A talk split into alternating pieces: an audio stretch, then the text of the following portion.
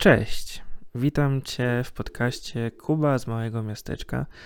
Podcastu nie tylko o małych miasteczkach, lecz także tych średnich, dużych, o wsiach, o naturze, o historii, o nostalgii.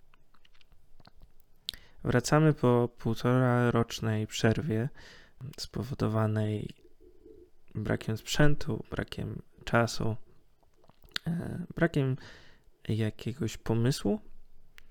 Możliwe, że słyszałeś lub słyszałaś ten podcast wcześniej, właśnie te półtora roku temu, kiedy wypuściłem trzy odcinki. Możesz pamiętać, że był to podcast trochę na zasadzie strumienia świadomości, gdzie dzieliłem się swoimi myślami z widownią. Takie dzielenie się swoim wnętrzem to miecz obosieczny, ponieważ jeśli czujesz się swobodnie w tym, co robisz, to oczywiście może się, może się udać taki projekt i, i zdobyć nawet jakiś sukces.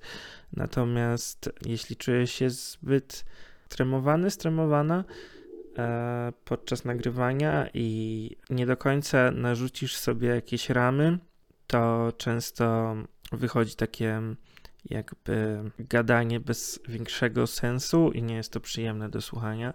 Tak zdarzyło się w trzecim odcinku, który postanowiłem mimo towarzyszącego mi wstydu zostawić, oznaczyć jako um, odcinek archiwalny, um, jako przestrogę w sumie dla siebie i dla potomnych. Mam nadzieję, że nowy start tego podcastu i nowy format, który sobie zakładam, sprawi, że będzie to podcast, który będzie trwał latami i do którego będziemy chętnie wracać i który będzie się wszystkim podobał. Mając to za sobą, chciałbym jeszcze raz serdecznie Was przywitać i zacząć temat, którym e, chciałbym się dzisiaj zająć. Są to swego rodzaju tajemnice tramwajów, jakby cały temat zaczął się od tego, że na jednej z licznych grup, na których jestem na Facebooku, grupa nazywa się Ciekawostkawka, znalazłem kilka dni temu post użytkownika Marcina, którym opowiadał o interesującym wypadku tramwaju w Australii w 2005 roku. 15-latek, który był zafascynowany tramwajami, ukradł jeden z nich i wyruszył na przejażdżkę, która trwała ponad 25 km. W tym poście wspomniał również o dwóch ciekawych e, przypadkach kradzieży tramwaju w Łodzi. Jeden z 2014 roku i drugi w 2016 roku. Bardzo mnie to zainteresowało, jako że urodziłem się w Łodzi i mam tam rodzinę i często tam bywam i w okolicach. Więc postanowiłem zobaczyć, o co chodzi z łódzkimi tramwajami, czemu akurat w Łodzi zdarzyły się dwa przypadki kradzieży tramwaju i czy jest za tym coś jeszcze, czy są jakieś inne przypadki ciekawych wydarzeń związanych z tramwajami w tym mieście. Ku moim zaskoczeniu nie były to jedyne przypadki, kiedy coś z tramwajami się wydarzyło. Zaczniemy od wspomnianego wcześniej przypadku z 2016 roku. Był to czerwiec, ciepły miesiąc. Jest tu bardzo interesujący przypadek, w którym tramwaj jechał sam przez miasto. Tramwaj MPK jechał bez motorniczego przez centrum miasta. Na wyborczej.pl czytamy, że z pierwszych ustaleń śledztwa wynikło, że obowiązujące procedury oraz stan pojazdu przed awarią nie miały wpływu na znaczenie. Co się w takim razie wydarzyło, że tramwaj bez motorniczego przejechał 2 km w centrum miasta? Do zdarzenia doszło w piątek, 24 czerwca 2016 roku, po godzinie 4 rano. Tutaj dodam od siebie, że całe szczęście tak wcześnie. To nie jest jeszcze godzina, gdzie jest duży ruch na chodnikach i na przejściach. Zakupiony kilka miesięcy temu tramwaj PESA zepsuł się na skrzyżowaniu ulicy Kilińskiego i Piłsudskiego. Aby nie blokować przejazdu innym składom, zepsuty pojazd został zepchnięty przez jadący za nim tramwaj na nieużywane tory na Alei Kościuszki. Zatrzymanym na wysokości sądu składem zajął się serwis PESY oraz technicy MPK. W trakcie naprawy pojazd ruszył. W asyście informującego mieszkańców o potencjalnym niebezpieczeństwie serwisu, tramwaj pokonał dwa zakręty, siedem skrzyżowań i przejechał ponad 2 km na drodze, ignorując czerwone światła i przejścia dla pieszych. Zatrzymał się dopiero na Placu Niepodległości, gdzie wjechał na przestawioną zwrotnicę i wykoleił się.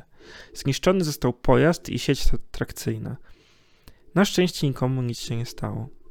Jakiś tydzień później ukazał się e, również na wyborczy artykuł, e, w którym dowiadujemy się nieco więcej informacji na temat tego zdarzenia. Podczas prac specjalnej komisji odtworzono przebieg zdarzenia. Stwierdzono, że po zepchnięciu tramwaju na Alei Kościuszki serwisant firmy PESA poinformował techników MPK, że wagon został zahamowany, co jest warunkiem rozpoczęcia rozłączenia sprzęgów.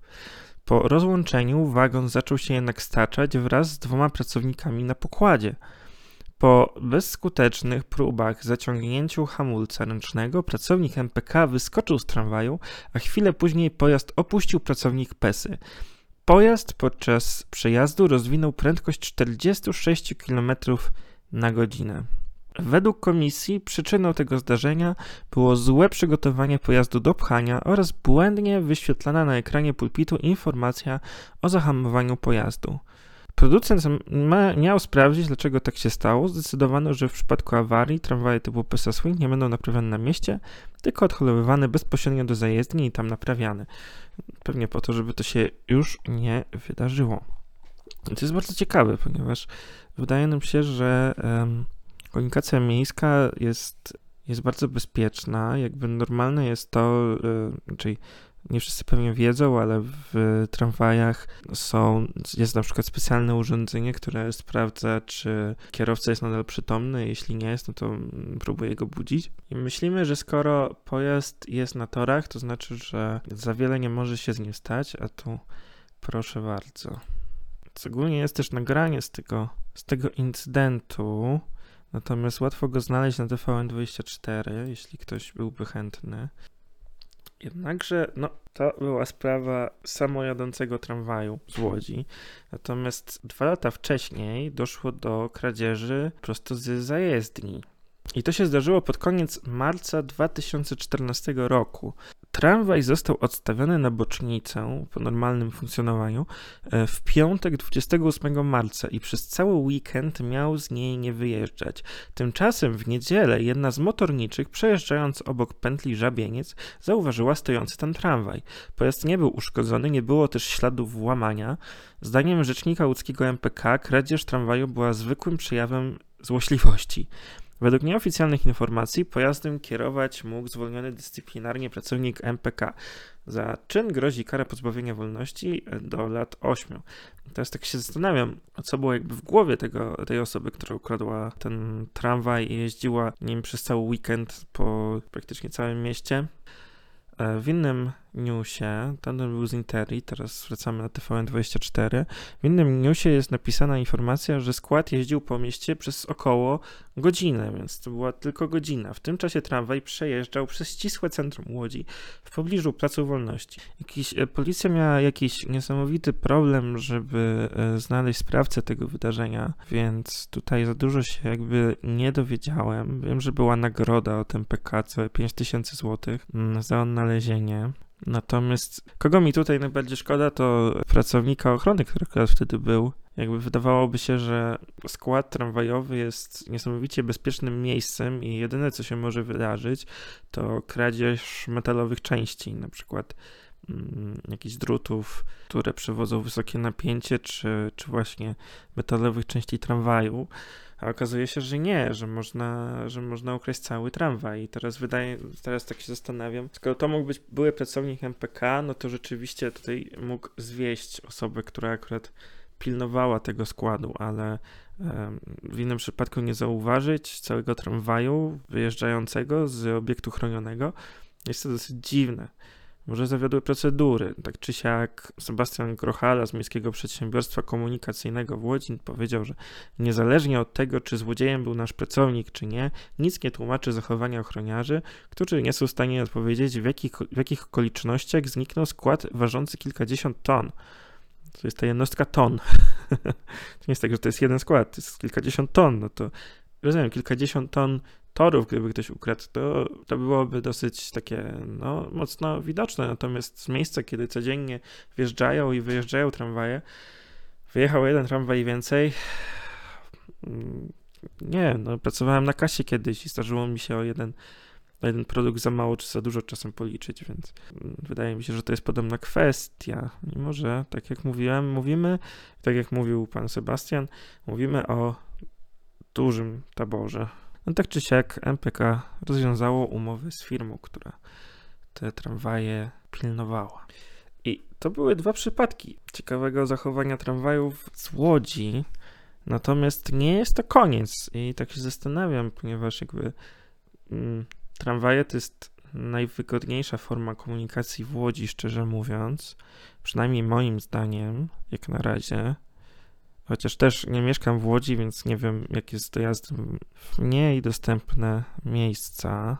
Natomiast rzeczywiście większość, jako, jako powiedzmy turysta, czy, czy człowiek, który jeździ od, od stacji kolejowej do rodziny, czy gdzieś tam, korzystałem wyłącznie z tramwajów. Jakie w ogóle było moje zaskoczenie? Byliśmy ostatnio w Zgierzu pod Łodzią. To jest takie bardzo piękne, bardzo brzydkie miasteczko. Jest niezwykle brzydkie, ale ma w sobie coś, ma sporo zabytków zachowanych w fatalnym stanie, ale są. No, do Zgierza na pewno jeszcze wrócimy na tym podcaście. Tak czy siak, od Zgierza do Łodzi najlepszą trasą, żeby przejechać było właśnie tramwajem. Była zajezdnia w Zgierzu i z niej dało się dojechać dosłownie w jakieś 30 minut do Łodzi bez problemu i Właśnie ostatnio jak tam byliśmy i chcieliśmy pojechać ze Zgierza do Łodzi, to okazało się, że już nie funkcjonuje i e, się dowiedziałem wtedy z internetu, że stan tramwajnictwa, przejazdów tramwajami w Polsce jest niesamowicie dynamiczny ponieważ z jakichś przypadków, mimo że to tak naprawdę jest być ekologiczna i wydawałoby się najtańsza, bo to tylko prąd, forma transportu publicznego, linie tramwajowe bardzo często się w Polsce zamyka, zwłaszcza jeśli chodzi o dojazd z mniejszych miejscowości do większych. I to mnie zastanawia, ponieważ no oczywiście w Zgierzu na przykład jest stacja kolejowa i można bez problemu szybko dojechać do e, Łodzi łódzką koleją aglomeracyjną, i jestem pewien, że w innych sytuacjach, znaczy w innych miejscowościach, gdzie zamykane są e, linie tramwajowe, otwiera się właśnie jakieś, pewnie mają jakieś stacje kolejowe, tak? No, my wtedy do tej Łodzi pojechaliśmy autobusem, który miał dosyć malowniczą trasę, przejeżdżał na kraniec miasta Zgierza i jechał przez łagiewniki, przez lasy e, na wzgórzach, więc był taki dosyć górski klimat, jako że mm, oboje mieliśmy trochę pełne pęcherze, to, e, to, to, to nie było zbyt miłe, zbyt miłe doświadczenie, biorąc pod uwagę stan dróg i te, i te wzgórza. Natomiast właśnie zdziwiło mnie to, że tak dobrze funkcjonująca i często używana linia tramwajowa przestała istnieć, jak się okazało, nie tylko tam, ale w ogóle dookoła miasta. O czym ja mówiłem? Widzicie, takie dygresje sprawiają, że e, podcast nie ma zbyt linearnej formy. E, odskakujemy gdzieś od tematu, chociaż cały czas mówimy o tramwajach, ale chciałbym wrócić w takim razie, e, korzystając z okazji, że zapomniałem o czym mówiłem, do interesujących przypadków kryminalnych dotyczących łódzkiej, łódzkich tramwajów. I teraz przenosimy się, proszę Państwa, do 2008 roku. Styczeń 2008 roku, czyli 13 lat temu. Jest to sprawa, która jest chyba najciekawsza ze wszystkich, które dzisiaj chcę przedstawić, ponieważ jest jakby na granicy pana samochodzika, może jakiegoś techno-thrillera, tylko takiego techno-thrillera z Polski, z budżetem typu tyle co za miskę ryżu, tak? I dramatu socjalnego, dramatu obyczajowego na temat dzieci, na temat rodziny, na temat tego, co się może wydarzyć, jeśli, jeśli e, nie będziemy dobrym rodzicem, może? Coś takiego. Cały jakby artykuł na ten temat znalazłem na stronie Łódź Nasze Miasto.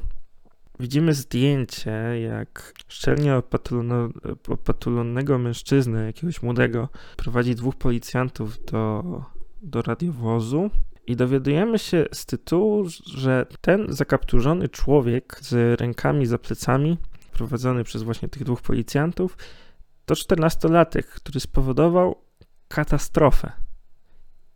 Katastrofę, takiego słowa użyto. Katastrofę komunikacyjną na skrzyżowaniu ulic Kopernika i Żeromskiego. 14-letni Adam, który we wtorkowe wczesne popołudnie spowodował katastrofę komunikacyjną na skrzyżowaniu ulic Kopernika i Żeromskiego, czytamy na stronie Nasze Miasto, jechał w tramwaju, który sam wykoleił. Siedział z przodu w pierwszym wagonie. Co najlepsze, nie prowadził tego tramwaju. Nie prowadził, nie, nie chodzi o to, że on kierował tym tramwajem i dlatego spowodował, spowodował ten wypadek tutaj wchodzi ten techno-thriller, taka rzecz, którą moglibyśmy zobaczyć w Black Mirror i wystraszyć się, że takie rzeczy są możliwe i że tak naprawdę na każdym rogu czeka 14-letni Adam, który po prostu może zakończyć nasze życie jednym naciśnięciem przycisku. To naciśnięcie przycisku jest tu ważne, ponieważ gdy pojazd mijał zwrotnicę, czytamy, Adam nacisnął przycisk w skonstruowanym przez siebie pilocie i wiązka fal podczerwieni uruchomiła urządzenie. Mechanizm błyskawicznie zareagował i w ułamku sekundy zmienił kierunek jazdy składu. Po chwili pasażerowie usłyszeli przeraźliwy zgrzyt, poczuli szarpnięcie i pojazd skręcił w lewo wprost na nadjeżdżający z przeciwka tramwaj tej samej linii. Ważący ponad 15 ton wagon zderzył się z 34-tonowym składem. 12 osób zostało rannych, kilkanaście mocno poturbowanych. I tu jest tak napisane cud. Napisane jest, że to cud, że nikt nie zginął. Musiał być bardzo poważnie. Przerażeni byli wszyscy, oczywiście, z wyjątkiem nastolatka. Jemu nic się nie stało, bo już przed zderzeniem wiedział, że mocno należy trzymać poręcz. Opuścił tramwaj, obejrzał co zrobił i spokojnie poszedł do domu. Wczoraj przyznał się do winy. Dokładnie opisał jeszcze siedem innych miejsc, w którym siedem innych miejsc, w których doprowadził do wykolejenia tramwajów. Niesamowity człowiek. Niesamowity, przerażający. To jest arcywróg łódzkiego tramwajarstwa, łódzkich maszynistów tramwajowych, łódzkich pasażerów tramwajów. To jest po prostu ktoś, kogo moglibyśmy nazwać Nemezis na miarę Jamesa Bonda. Z Łodzi. I teraz jest tak. W sensie artykuł jest. Ja postanowiłem go nie zmieniać, ponieważ on ma jakieś tam swoje flow i nie chcę się za bardzo też pogubić w tym, więc postanowiłem nie zmieniać kolejności. Natomiast artykuł nie trzyma suspensu. Znaczy, same wydarzenia są pełne suspensu, ale artykuł ujawnia nam, co się zdarzyło na samym początku. A teraz przechodzimy do części dotyczącej śledztwa. Śledztwa, które się działo wtedy. Czuję się, jak, jakbym prowadził podcast true crime'owy. E, trochę tak jest, tylko tutaj cud, że nikt nie zginął, tak? Wtorek. Na miejsce katastrofy przyjechały wszystkie służby ratownicze, policja, pogotowie MPK. Pogotowie MPK, tu nie było przecinka, pogotowie MPK. Pojawili się również członkowie klubu miłośników starych tramwajów, gdyż nie tylko zbierają pamiątki związane z komunikacją miejską, ale i dokumentują tramwajowe wypadki. Skąd oni pojawili się tam tak szybko? Myślę, że dalsza część artykułu może nam mm, tutaj odpowiedzieć na te pytania. Jednego z członków klubu wychwycili z tłumu gapiów policjanci z szóstego komisariatu, którzy od kilku tygodni pracowali nad sprawą wykolejeń. To już się działo, to już się działo, to był jakby ostateczny, ostateczny tutaj wypadek, ostateczna, ostateczna akcja, atak na łódzkie tramwaje. Więc oni już działali. Wyobraźcie sobie, tam był jakiś Brad Pitt i Morgan Freeman, którzy niczym w filmie 7 szukali tego okropnego przestępcy. Tak czy siak, znaleźli mężczyznę, który choć nie jest pracownikiem MPK, był w stroju motorniczego. Bardzo podejrzany. Zapytali tego mężczyznę, co on tam robi i tak dalej. On wytłumaczył im, że nie jest związany ze sprawą, najwyraźniej, ponieważ nie jest napisane, żeby, żeby go jakoś podejrzewali, chociaż nie sądzę. Tak czy siak w artykule jest napisane, że ten tajemniczy człowiek stroju motorniczego potwierdził, że w środowisku osób interesujących się komunikacją miejską jest chłopak, który może być sprawcą przestawiania zwrotnic. Mówi podinspektor Mirosław Micor z Komendy Miejskiej Policji w Łodzi. To jest tak, to jest, to jest chłopak, to jest taki John Doe naszej sprawy. Gdzie on jest? Kim on jest? Skąd on się wziął? Dlaczego jest w tym klubie? Pojawiał się na różnych spotkaniach związanych z tramwajami, ale nigdy nie był członkiem naszego klubu, relacjonuje Bartosz Stępień, prezes klubu miłośników starych tramwajów. Widywany był również podczas innych wypadków, w których wykolejały się tramwaje. On jest jak takim, jak ten zły omen, jak ten taki potwór z creepypasty, który pojawia się zawsze na miejscu wypadków, jak na przykład Człowiek Ćma z tego filmu z Richardem Girem. Jakby gdzie pojawia się tramwajowy wypadek, tam jest ten człowiek. Nie wiem dlaczego też tam są członkowie klubu miłośników starych tramwajów. Może on jest tak liczny, może on jest jakimś podziemnym łódzkim fight clubem. Poznajemy, poznajemy członków po prostu przechodząc przez ulicę i nawet wymieniają między sobą jakieś, jakieś, jakieś znaki. Są bardziej liczni niż się wydaje. Może wśród was są miłośnicy, członkowie klubu miłośników starych tramwajów. Może w waszej pracy są, może tego nie widzicie. Może puśćcie komuś ten podcast i zobaczcie, jak się zachowa. Może on też jest podziemnym członkiem klubu miłośników starych tramwajów. Uważajcie tam w tej łodzi.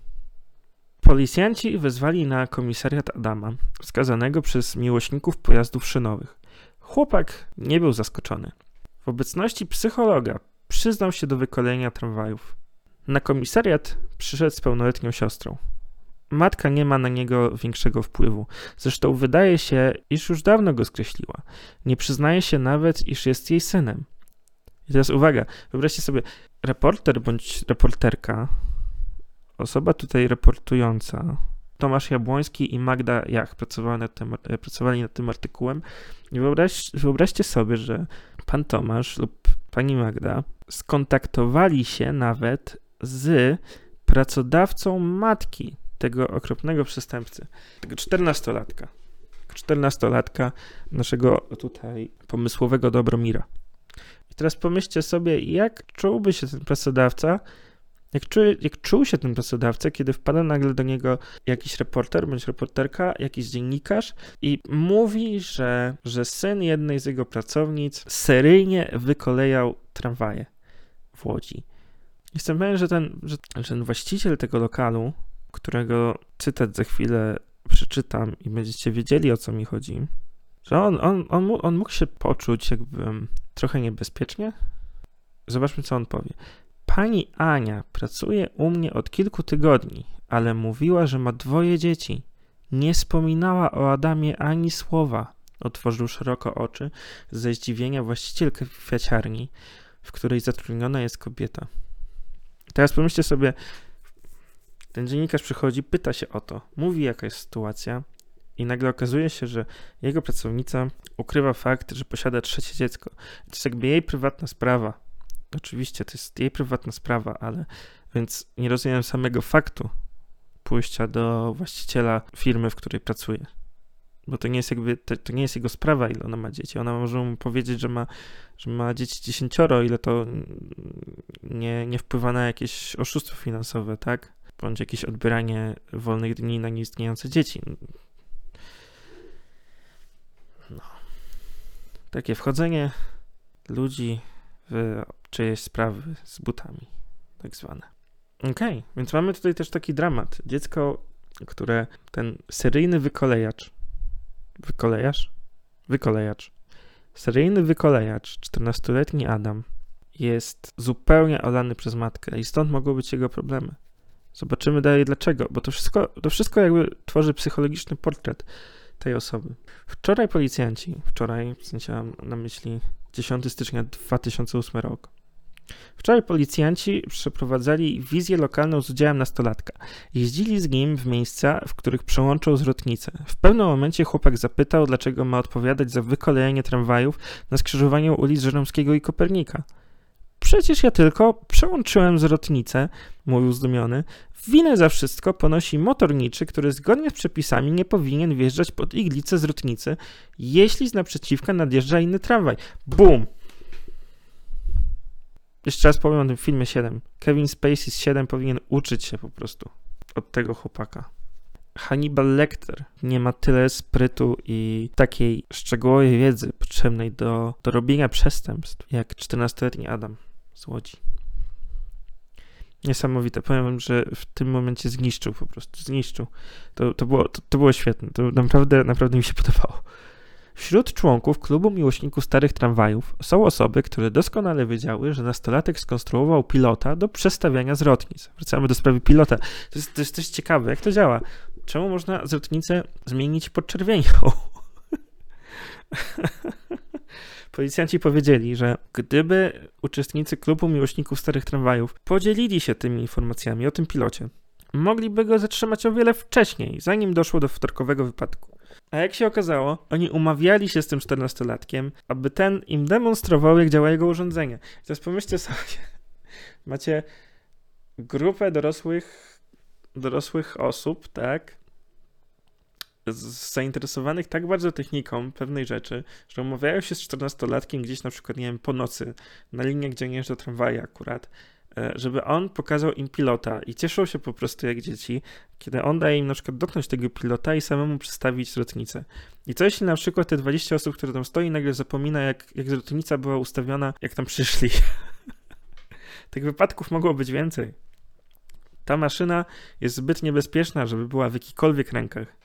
Cieszę się więc, że 14-latek, 14-letni Adam nie robił kopii tego urządzenia. Wyobrażacie sobie, gdyby trafiły w ręce prawdziwego terrorysty? Polskie tramwajnictwo by upadło już kompletnie. Wróćmy jednak do historii psychologicznej naszego, naszego super przestępcy.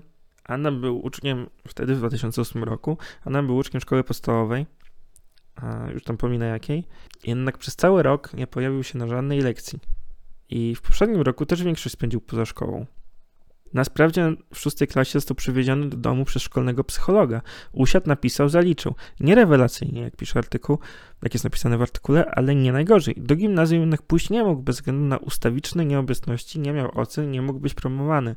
I teraz wychodzi na to po prostu, jak tutaj potem jest, że matka nie odbiera telefonów od, od szkoły podstawowej, od dyrektorki. Gdy ona w końcu spotkała się z nią w jej miejscu pracy, to tam to wzruszyła tylko ramionami. Nie wiadomo w sumie, dlaczego ta matka nie lubi tak bardzo tego swojego syna i dlaczego go zostawiła tak na pastwę losu. Zmieniał szkołę ten chłopak w trakcie swojej nauki w szkole podstawowej. I teraz jest tak, tutaj wypowiada się pedagog, tak, dyrektor szkoły podstawowej, pani Dorota Kłudzińska. W moim przekonaniu to jest dobre dziecko o wysokim poziomie intelektualnym, ale pozostawione samo sobie, nie mające wsparcia w najbliższych. Widzicie, moglibyśmy mieć technicznego geniusza, który teraz by robił jakieś nowe, ciekawe projekty na Politechnice, jakichś nowych maszyn. Jak zwykle byłoby to jak krew w piach, ponieważ w Polsce za bardzo nie sponsoruje się ani naukowców, ani wynalazców, więc... Ale może jakiś koncert z Niemiec by kupił jego pomysły, na przykład na pilota. A tak, najbliżsi mieli w dupie, za przeproszeniem. I wyszło jak wyszło. Poszedł w stronę zbrodni. Szkole Adam nie sprawiał żadnych problemów, ale najczęściej go po prostu nie było. Nauczyciele dostrzegli jednak, że nie potrafi nawiązywać kontaktów. Jest zamknięty, mało aktywny, wycofany, ale nie agresywny, mówią. Wiecie, to jest, to jest, to jest, to jest ta różnica. Mógł być wycofany, ale nie był agresywny. To nie był, to nie był materiał na przestępcę. To był człowiek, który wykorzystał swoją szansę na zrobienie czegoś. Dla siebie, do swojej własnej zabawy? Może, ale tak działa kapitalizm wykorzystywanie okazji.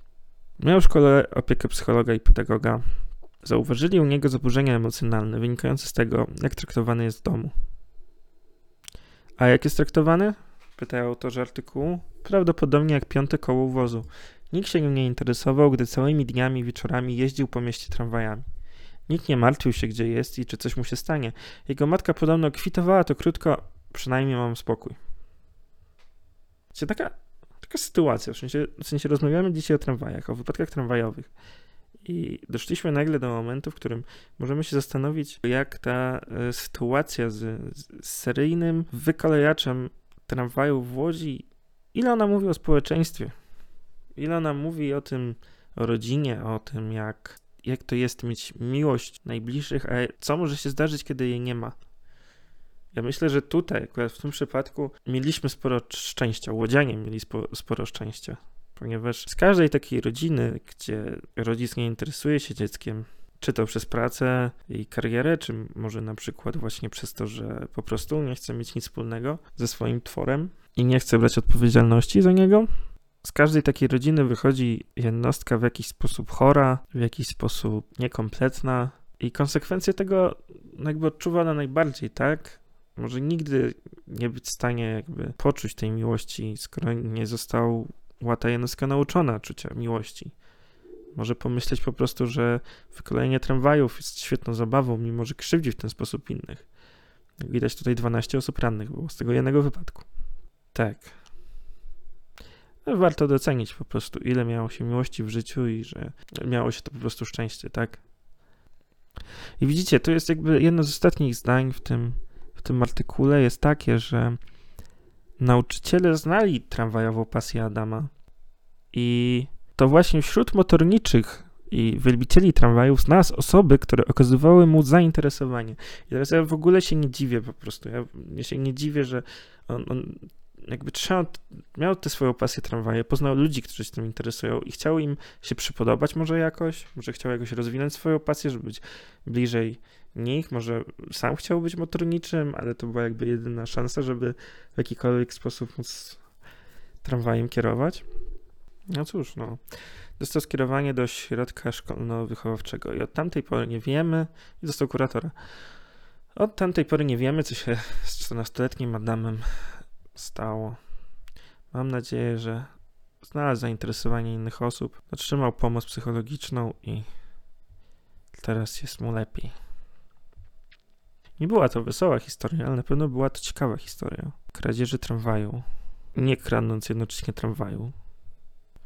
I teraz tak, żebyśmy nie zostali z informacją, że takie rzeczy dzieją się tylko w Łodzi. No absolutnie nie. Miast mamy w Polsce dużo i każda ma swoje tego typu historie. Na przykład w Gorzowie Wielkopolskim 21-latek nad ranem postanowił wła e, włamać się do zabytkowego tramwaju. Ja wiem, że to nie był tramwaj na torach, to był tramwaj postawiony jako budka usługowa, ale nadal jest to tramwaj, nadal się trzymamy e, naszego tematu. Teraz, co, co mnie zaciekawiło po prostu, to, że e, w tym zabytkowym tramwaju, sensie ten tramwaj ma już pewnie kilkadziesiąt lat, widziałem zdjęcia, wygląda na tramwaj z lat dosłownie 30. W tym tramwaju znajdował się punkt, w którym sprzedawane były m.in. wyroby z konopi. Wyroby z konopi.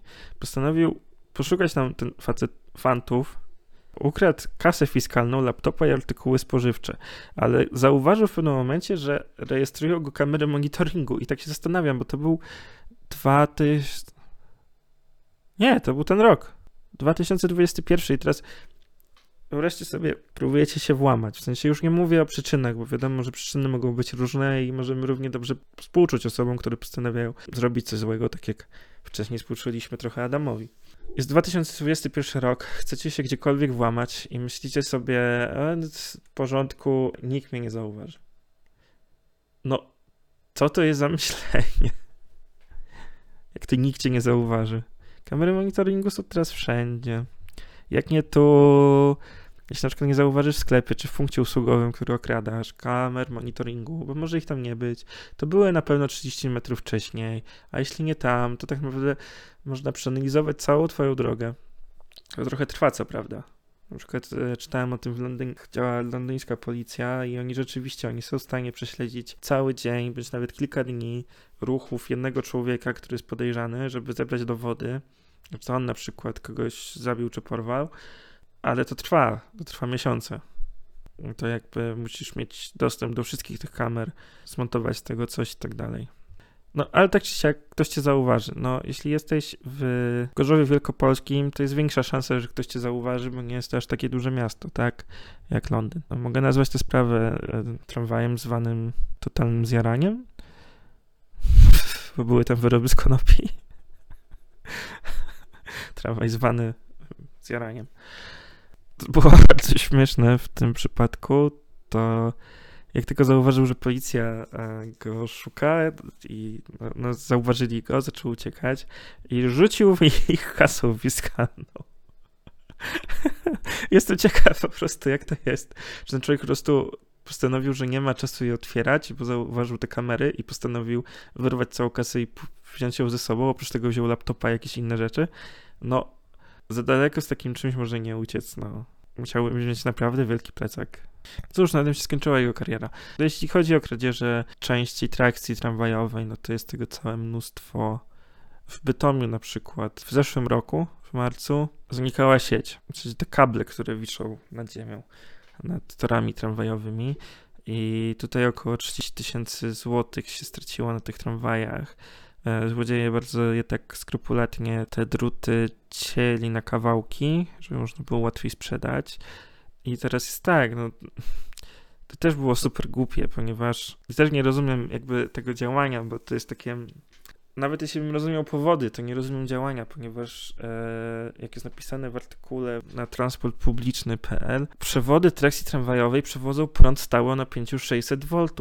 Kontakt z prądem o takim napięciu jest dla człowieka śmiertelny, a o wypadek nie trudno mówi prezes zarządu spółki Tramwaje Śląskie, Bolesław Knapik. A na przykład, oprócz tego, no oprócz tego, że mogą się porazić śmiertelnie prądem, no to jest na przykład też inne niebezpieczeństwo. W nocy z 12 na 13 marca w, Bytom, w Bytomiu, Strożku, złodzieje przecięli linię nośną i drut jezdny, który był bardzo, bardzo mocno napięty. Musimy pamiętać, że to jest marzec, to nie było jakoś ciepło w tym marcu, więc e, druty się napinają. Siła odrzutu przewodów była tak duża, że trzy wysięgniki na słupach trakcyjnych zostały złamane, a 20 kolejnych mocno wykrzywionych. Wiecie, co ile są słupy? To nie jest jakaś mała odległość i 20 z nich zostało mocno wykrzywionych. Gdyby taki przewód trafił w człowieka, doszłoby do tragedii. No tak, przecięłoby go po prostu na pół. Takie niebezpieczeństwo. Wzięli kable za 30 tysięcy złotych, mogli zginąć. Ha, no dobra, jeszcze ostatnia sprawa z y, kradzieżami. Złodzieje zabrali iglicę. Są takie części torów tramwajowych. Zabrali jedną iglicę w Łodzi, właśnie w Łodzi. To jest ciekawe. I e, policja zauważyła też dwie inne próby wmontowania iglic. Wykryto je bardzo wcześnie, bo to się działo w nocy w 2012 roku, w sierpniu. Wykryto brak tej iglicy w godzinach porannych. Motorniczy zgłosił, że tramwajem bardzo rzuciło podczas przejazdu przez Rotnicę. I to jest taki duży element. On ma 30 pewnie centymetrów albo i więcej trochę, jak widzę na zdjęciu. I to jest tak, wyobrażacie sobie, że jeszcze kable rozumiem z tego względu, że powiedzmy zabraknie kabla, to po prostu tramwaj się zatrzyma i tyle, nie będzie miał po prostu prądu. Natomiast zabieranie części, części torów, części trakcji, przecież to może się wykoleić tramwaj. No, tak czy siak ludzie kradną różne, różne rzeczy. No. Była przecież wielka sprawa, że ktoś zabrał 30 ton chyba torów kolejowych, czy coś w tym stylu, gdzieś w Polsce.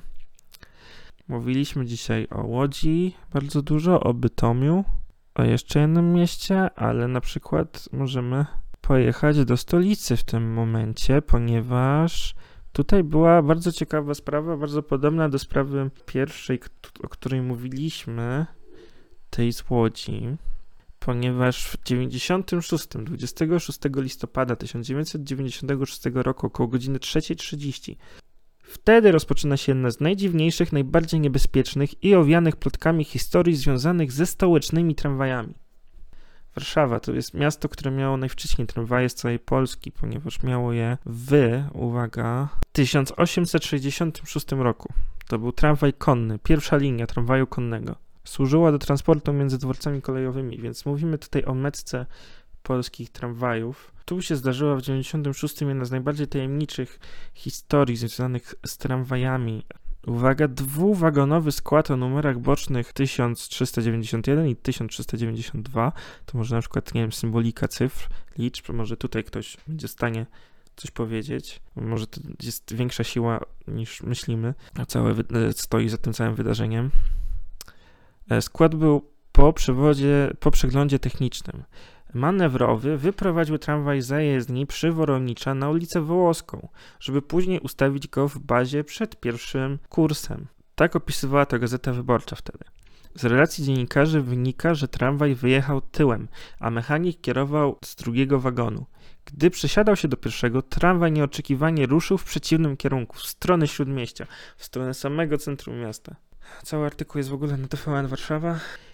Tramwaj jechał ulicami Wołoską, Rakowiecką, Aleją Niepodległości. Rakowiecka to jest jedna z najbardziej takich głównych e, ulic tutaj na Mokotowie.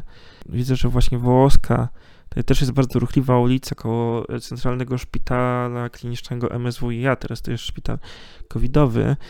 I to jest naj, najlepsze, bo na trasie tego tramwaju są dwa bardzo ostre zakręty. I ten tramwaj sam z siebie wykonał te zakręty. Naprawdę, one mają po 90 stopni i one są bardzo wąskie. I się nie wykoleił jeszcze. Się nie wykoleił. Oczywiście od razu podjęto próby zatrzymania pojazdu. Zaalarmowano służby, by odcięły dopływ, dopływ prądu.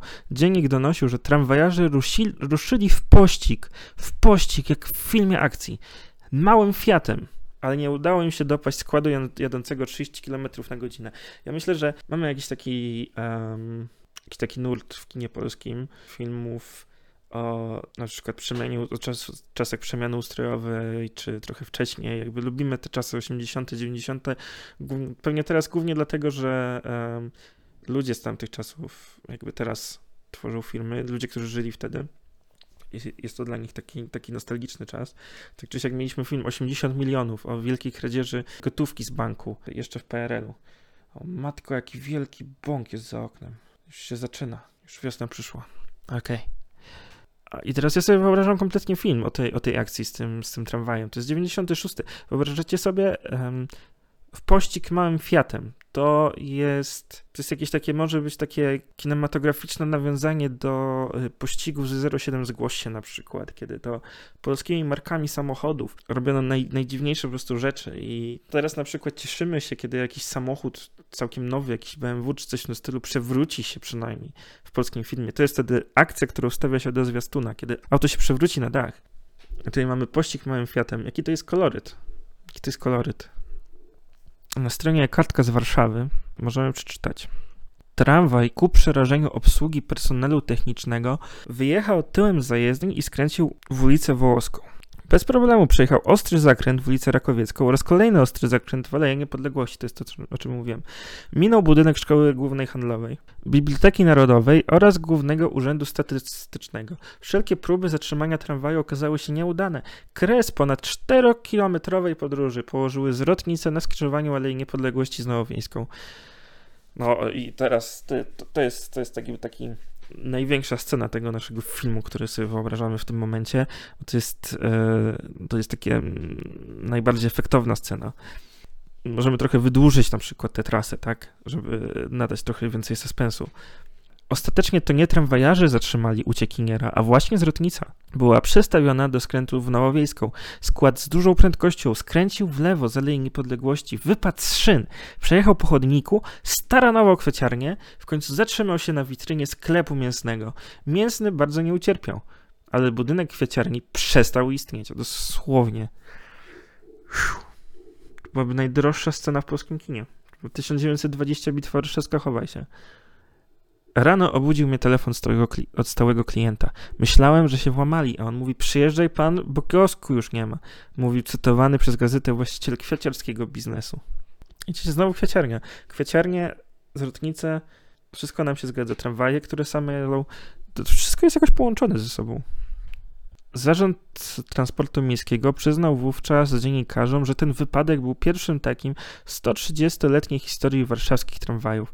Usuwanie jego skutków kosztowało około 2 miliardów starych złotych, czyli obecnie to 200 tysięcy złotych. To jest artykuł z 2018. Nie wiem, czy inflacja aż tak bardzo się zwiększyła, żeby tutaj zwiększyć te 200 tysięcy złotych, na przykład, nie wiem, 250? Chyba jeszcze nie. Dobra, ale coś, co się stało, jakby, co się stało, że, że to się stało. To też jest tajemnicza rzecz, ponieważ no jakby poza podejrzeniami był manewrujący wagonami pracownik, który przesiadając się od pierwszego wagonu wyłączył zasilanie w drugim, czyli tak jak powinien. Według wersji oficjalnej powodem samoczynnego ruszenia składu stojącego na terenie zajezdni przy ulicy Woronicza było zwarcie instalacji elektrycznej. Nieoficjalnie mówiło się o błędzie ludzkim wynikającym z nadużycia napojów wyskokowych. Czytamy na kartce. No, całe szczęście w ogóle wszystko się skończyło bez rannych, ale jakby jestem w stanie oczywiście uwierzyć o tym nadużyciem napojów wyskokowych. Kaman, to był 96, teraz, e, teraz kierowcy już nie, nie piją, tylko ćpają, wciągają w nosek. Ale z drugiej strony chciałbym, chciałbym jednak pomyśleć, że to było to zwarcie instalacji elektrycznej, ponieważ to by się jakby nakładało z tym przypadkiem z Łodzi o samoczynnie jadącym tramwaju i teraz chciałbym je jakoś połączyć i pomyśleć o tym, że może to jakaś nadnaturalna siła za tym wszystkim stała. Te wypadki są bardzo podobne do siebie, a działy się na przestrzeni jakby 20 lat, tak? I dlaczego? Dlaczego one są takie podobne, działy się w innych miastach, w innym czasie, a jednocześnie nie mają tyle punktów wspólnych?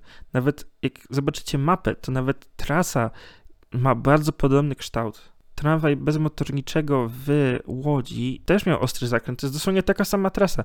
Prosta linia, dwa ostre zakręty.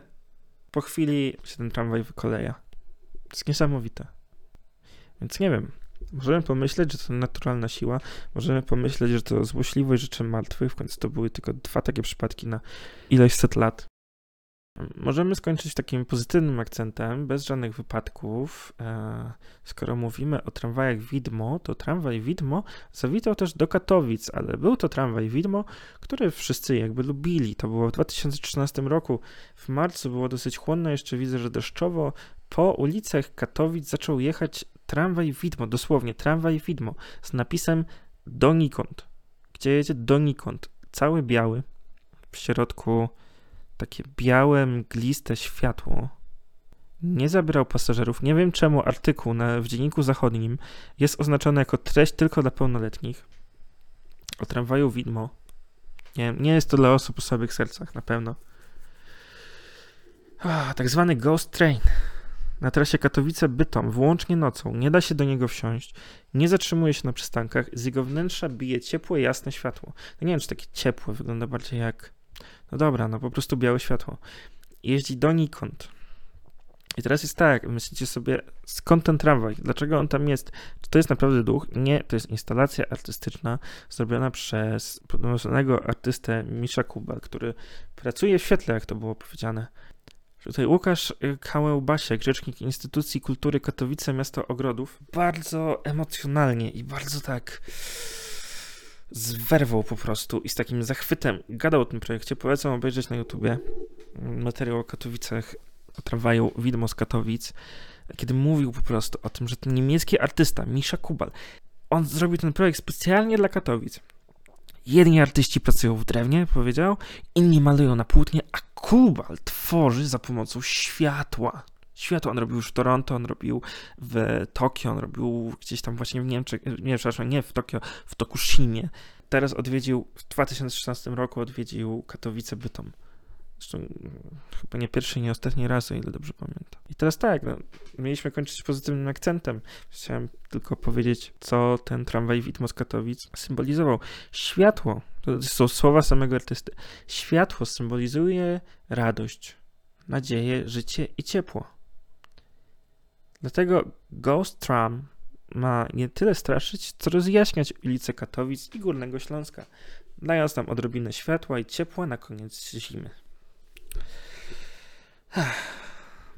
Tramwaje. Żyć bez nich nie potrafimy. Ale żyć z nimi w sumie wygodnie, no nic więcej do powiedzenia. Bardzo chciałem podziękować za ten odcinek był taki, mimo researchu, był dosyć spontaniczny. Mam nadzieję, że podobał się taki przegląd prasy, który dzisiaj zrobiliśmy. Za tydzień zajmiemy się zupełnie innym tematem, ale jeszcze nie chcę mówić jakim, dopóki nie przygotuję wszystkich materiałów. A myślę, że będzie to bardzo ciekawa taka wycieczka krajoznawcza, audio. Więcej nie zdradzę. Więcej nie zdradzę. No jeszcze raz, mam nadzieję, że Wam się podobało i że te historie trochę wprawiły Was w dreszczyk, trochę e, zruszyły, trochę zasmuciły, trochę zastanowiły, ale trochę też rozweseliły. Jeśli chodzi o tramwaje, to chyba wszystko z takich bardzo, bardzo interesujących historii. I tak w zasadzie na tym pozostaje mi skończyć ten odcinek. Chciałem tylko po prostu jeszcze Was poprosić, żebyście trzymali się bezpiecznie i uważali na siebie, nosili maseczki i zaobserwowali ten podcast, czy to za pomocą subskrypcji dzwoneczka na kanale YouTube Cześć tu Kuba, na którym znajduje się ten podcast, czy może na Spotify, czy na jakiejkolwiek innej platformie, na jakiej tego słuchacie. I włączyli ten podcast za tydzień, kiedy będzie kolejny odcinek. Tu Kuba z mojego miasteczka. Cześć.